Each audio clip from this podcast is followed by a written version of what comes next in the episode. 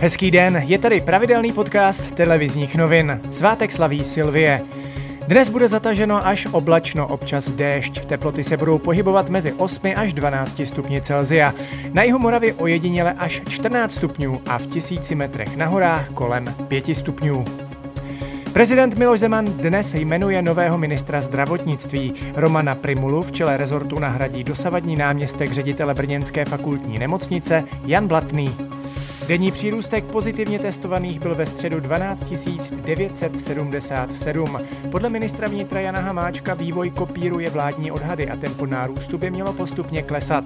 Potvrzuje to i ministr průmyslu, obchodu a dopravy Karel Havlíček. Sledujeme to v každé zemi eh, kolem nás. Eh, myslím si, že každý, eh, kdo je jenom trochu soudný, tak vidí, že v podstatě nejenom, že každá země je na rekordu, ale každá země nějakým způsobem s tím bojuje a vzdoruje.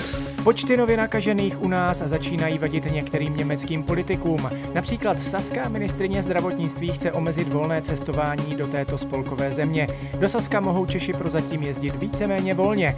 Délka pobytu však nesmí přesáhnout 24 hodin. V pražské Kinského zahradě včera do základu vyhořel dřevěný kostel svatého Michála z druhé poloviny 17. století. Do roku 1929 stál na podkarpatské Rusy, která byla součástí předválečného Československa. Praha dnes zahájí veřejnou sbírku na jeho obnovu. Čtyři zraněné má na svědomí podvečerní výbuch plynu v rodinném domě v Tursku severozápadně od Prahy.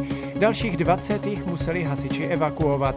Následkem exploze se zřítila třetina budovy a propadla se střecha. Obrovský požár zachvátil v podvečer také továrnu na matrace v Rostokách u Semil v Libereckém kraji.